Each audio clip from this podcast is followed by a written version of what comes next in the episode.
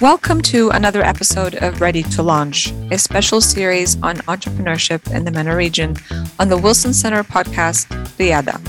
I'm your host, Merissa Khurma, Director of the Middle East Program at the Wilson Center. And happy Women's History Month to all of you. Truly the perfect opportunity to zoom into the world of entrepreneurship for women in the MENA region, which sadly has one of the lowest rates, entrepreneurship rates in the world for women at a meager 4%. This month, we will talk to women entrepreneurs, investors, industry leaders, as well as experts on the topic. We want to explore what challenges women face to start their own business or to grow it, but also what progress some of the women have made and where they are. And finally, we want to talk about where the hope lies and the opportunity to invest more in women entrepreneurs. Our guest today is an expert on all things women and entrepreneurship in the Middle East, Lynn Mounzer. She researches how women in the MENA region can overcome this lack of support and get access to the tools to build businesses and social enterprises and become more independent, as well as the socioeconomic, cultural, and political conditions that are needed to foster female entrepreneurship. Lynn, thank you so much for your time today. Thank you, Merissa, for having me. It's a, an important subject, and uh, um, thank you so much for highlighting uh, the, the topic. So, um, Lynn, let's start with um, your research. Uh, mm-hmm. we know what the data says uh, that basically it's a, a, women entrepreneurship in the region is very low. Um, so, what have you identified in terms in terms of the main barriers for women to start their own businesses? So, um, I tried to get a general idea of the condition of women entrepreneurs in a region. Of course, let's start by saying that every country is different, but there are common problems. They, I divided them into four categories cultural, social cultural, uh, training and network, financial, and legal problem, and governmental, of course. Um, on the cultural level, you see the, the traditional nature of uh, the Middle East region, it imposes a conventional role on women, where they're expected to perform most, if not all, the household and caregiving, caregiving responsibilities, which makes it so hard for women to balance their entrepreneurial work and their families. So most of the women I talked to, they felt the tension, they felt the struggle to even manage the social expectation and to have any kind of uh, fulfilling life. So um, most of the participants they also felt the resistance from uh, from their environment and discouraged them from working.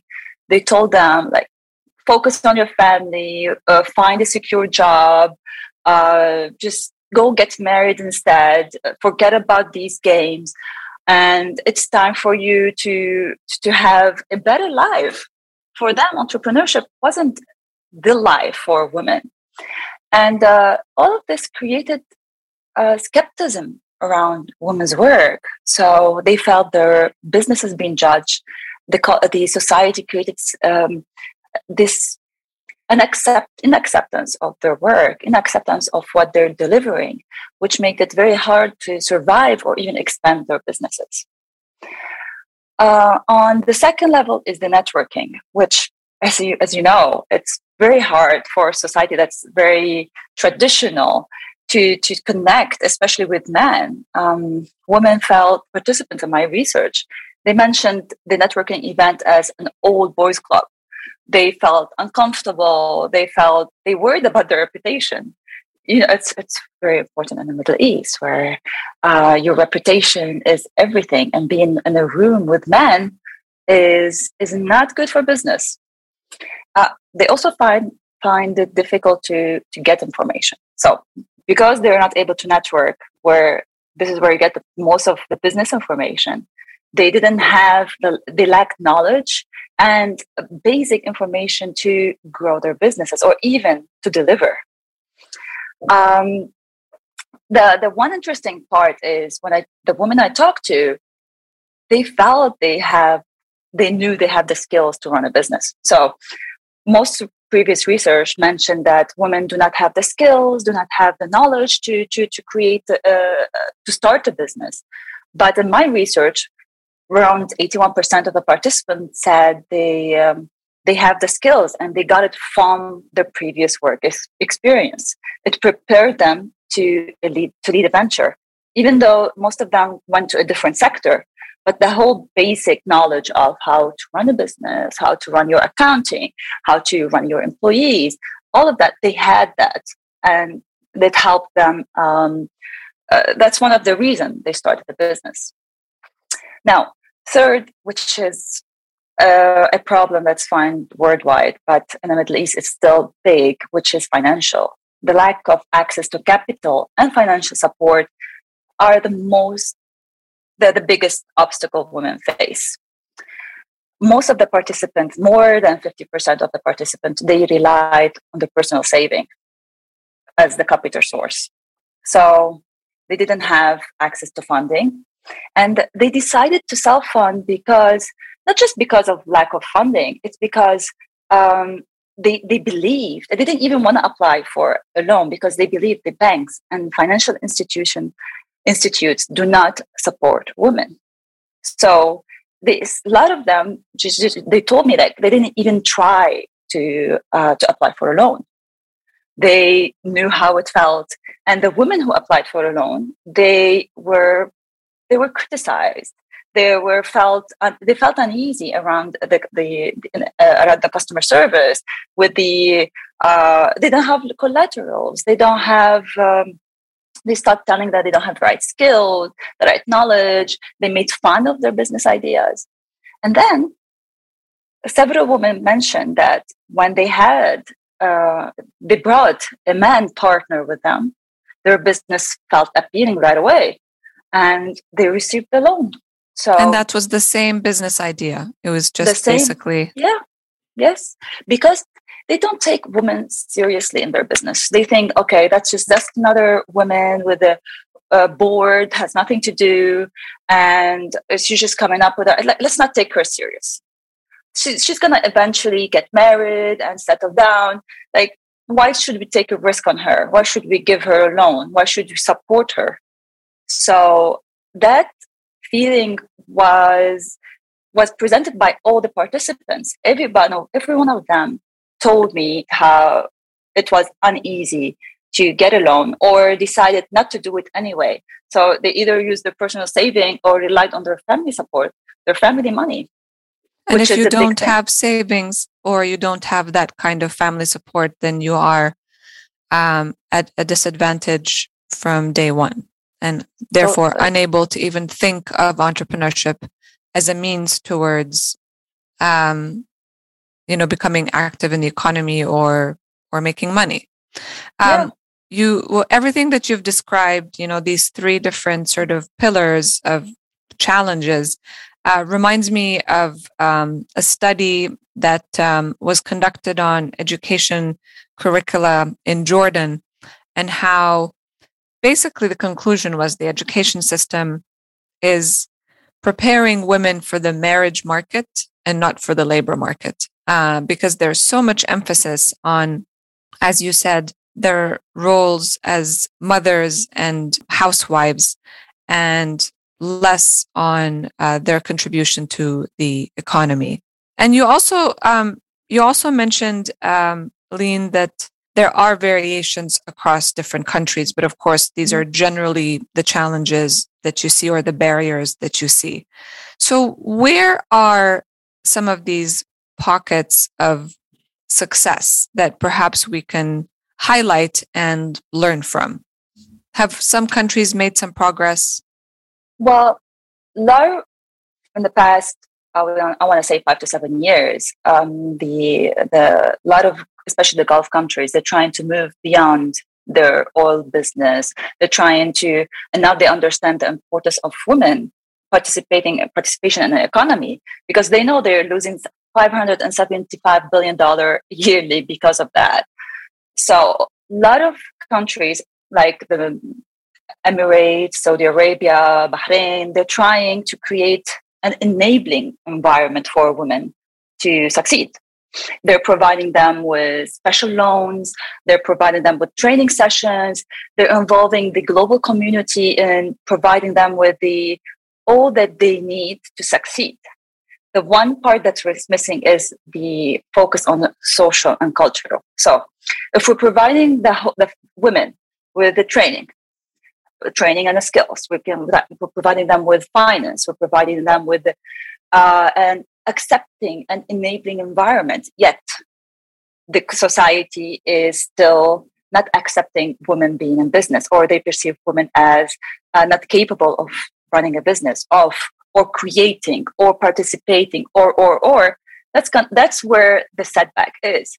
So we need a lot of change in policies. They they're, they're on the way. They're changing like we, we see a big example is saudi arabia. They're changing a lot of policies that relate to women and laws to make it easy to to commute easy to travel to start a business. They're doing all of that. Like another example is bahrain is doing is like they also have a a women's center. They're trying to focus on women issues and create a supporting environment for women. Yet, we cannot forget culture. So, if we do all of that and we don't have a, a proper campaign that helps the uh, accepting women as entrepreneur or as even um, part of the part of the economy, we're not going to move forward. So, a lot of effort is done. A lot of effort is being done we still have a lot to do. Um, at least we're there. We're we're moving. It's forward. moving. There's definitely yeah. movement, and and there's definitely progress. But you know, um, I cannot help but point also that the countries that you've highlighted are resource-rich countries, eh, particularly in uh, relation or in comparison to others in the region, like Lebanon or Jordan. Um, or even Tunisia. And, and those are sort of, those are the countries where, as you know, and I'm sure your research has shown, women are educated. Uh, in fact, there are more women graduates, um, you know, university graduates than men in some in some mm-hmm. countries. Mm-hmm. But then that's not really translating to the workforce, um, and and specifically not necessarily in in entrepreneurship. Um, and I wonder, you know, with the sociocultural mindset, such a, as you know, such a, as you said, a significant barrier, um, particularly in the in the MENA region, beyond just campaigns, because the problem with campaigns, at least the way I see it, is that they have they have a timeline. They they start and they finish. Um, and and and this is really ongoing work. So what else mm-hmm do you think can be done to start getting the younger generation, at least, to think about women's roles in society and their contribution to the economy differently? Okay, uh, that's so true what you said. Uh, I mentioned rich countries. They uh, they have the capacity to involve and provide solution for women.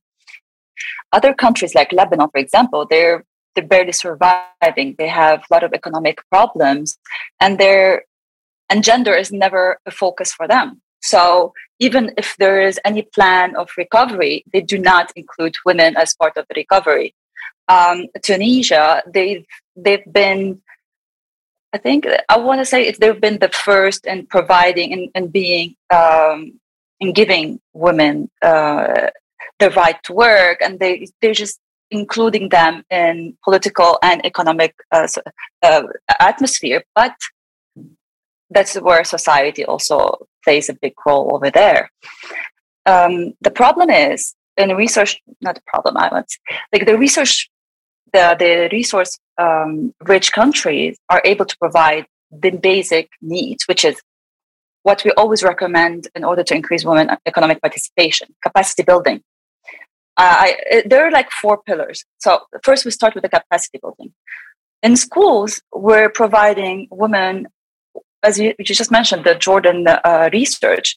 They, are not providing them the, the, the support. They're not pushing them towards excelling. They're pushing pushing them towards um, going towards uh, having safe job or their own families and so if the public starting, sector right or teaching or nursing that's right mm-hmm, that's what they're telling them to this that's what schools are telling them you're capable of doing so we see yeah. now there's a latest research show that there's a lot of women in STEM in the Middle East, yet True. that doesn't translate in the labor market because they tend to end up in safe jobs. Right. So in government, uh, education. So that's always the problem with the Middle East. So starting with education and proper training. So you have the skills, you give you the knowledge, you have the capacity and you have the information. Now, let's how can we help you translate it into um, into a business idea or being a part of the labor market that's beyond the service sector. Let's just, just take your knowledge. You're capable of growing a business or being uh, an engineer in tech company. That's where the, the education system should change. It should provide the proper uh, transition from school to labor market without women feeling you don't like we call it imposter syndrome. We don't want them to feel that. We want them to feel capable of doing that. And that's where the government and the education system plays a big role. Another one capital resources. We talk about money all the time. They need proper financing. They need to feel that they're because without that you can't do anything exactly. And like yeah. they feel if, if their jobs if the woman the jobs that women already have now in the middle east they're low paying jobs. The service sector is not the, the one that like teaching is not going to give you as much money as if you when you're a senior in a tech company. So if you don't right. have enough money to save to, to build something so how can you build something? Or how can you think beyond your uh, survival mode?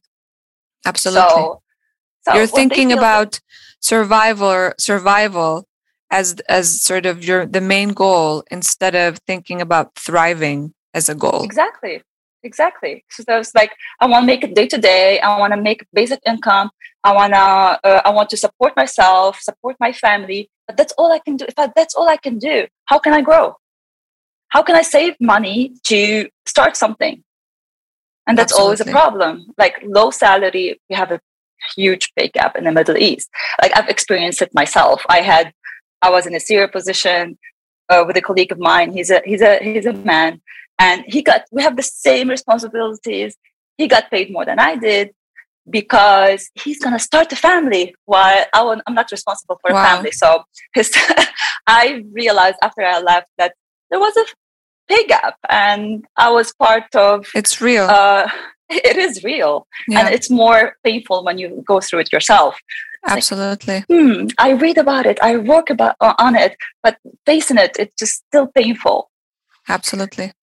Yeah and uh, then we go to regulations. So if mm. women do not have the, the the ease of move without like even being harassed in the workplace if if nothing is done about it they're not going to join the workforce if nothing is done about all the regulation that will help them um, be included. For example registering registering a business. A lot of countries like qatar they have um, make they make it difficult to, to register a business not just because of that. Also having an employee is another regulation problem. They right. feel they they the women have to you mentioned they have to go through a lot of paperwork and they may or may not accept the person they're hiring they they have a lot of restrictions when hiring so that a lot of women felt there's a lot of difficulty in registering and hiring employees so laws and regulation are really important in order to create this safe environment to to to push women towards um, entrepreneurship or even joining the workforce. I mean, if if I may jump in here, Lynn. So, mm-hmm. You know, the way that uh, businesses are registered um, here in Washington D.C. or across the river in Virginia is very different because you can do the whole process online and then you can upload necessary forms or you can mail them in. And mm-hmm. with that, there's no interface. There's no personal interface with individuals. So, so the digitization of business registration may actually address some of the harassment issue. Not that we don't need the anti-harassment laws. We do, but it's one way to do it. Do you? Are there any countries in the region that, uh, uh you know, from your knowledge? They're trying. Uh, again, it's uh, always uh, resource-rich com- countries, which is the Gulf region. They're trying to go to digitize everything uh, I've women in uh, Saudi Arabia told me that they, uh, especially with the banking sector, everything is digitized. Everything they felt easy about just opening the bank account and doing business uh, because it's all online. And they and COVID helped them actually because it made them feel safe to be online and to have a product online and sell it or a yeah. service. Right. So that that's one part. Uh, Interesting. Uh, I know that UAE is moving. Uh, their everything is moving online now. They're trying to make everything easy to do it from home, which makes it also super easy for, for women to register. Digitization is important, especially in a region like the Middle East. Uh, if women still don't feel comfortable going and communicating with a man in an office and being, if they feel vulnerable doing that, being online at their home, doing all of that is is the right uh, course of action to help them uh, be part, to, to help them restore a business, to help them yeah, grow. Absolutely. But that's still that's still like oh, it's a it's a it's a process, and even some women don't feel safe. This is where we go to um, uh, uh, online violence because they don't feel safe sharing their information online. Yeah, this is this is another campaign that goes through like it's okay you're safe. This how this is how you can be safe online sharing your information sharing uh, what you're doing sharing your business location sharing your house location. There is a there's a another layer to um, to add in order to to for for women to feel to feel safe online as well. Because there's also um, more barriers there. And we've tackled that actually last year during the uh, 16 days of activism. We talked about online harassment um, in, in this regard. So you're absolutely right. It is um, very much a real concern for a lot of mm-hmm. women, mm-hmm. uh, especially in, um, in the MENA region. Um, so we are, um, we want to wrap this up and I always like to uh, uh, sort of highlight uh, or talk about the hope because there is some progress, there is some movement. Um, the barriers also still exist and it's very frustrating. But from your vantage point, where do you see the hope for more women entrepreneurs in the MENA region?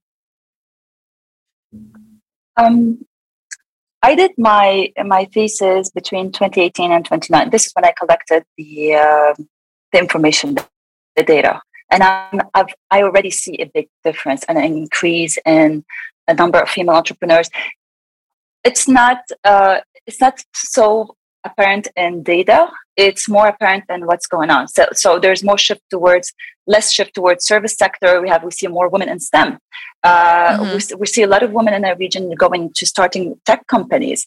There is hope. The region is moving forward, and I was there. I was was living in Lebanon like five years ago, and now the number of women I talk to in Lebanon who are entrepreneurs increased majorly, especially with COVID. So they've mm-hmm. left the job which didn't provide them security or enough income and started their own thing. And this was a kind of a push for them.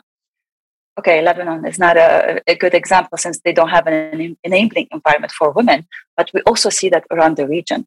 Women are growing confidence in their capacity. They're growing confidence in their ideas, in their, uh, especially in the newer generation, they're pushing the boundaries. They're they're not limited by their culture. So the hope is there. I'm sure we're moving forward. It's slower than I than I want it to be, but um, I already see it. Wonderful. Well, that's um, a really great way to wrap this up and wrap this conversation.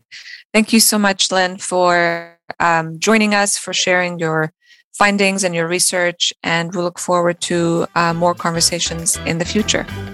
Thank you. Thank you, Merissa. Thank you so much.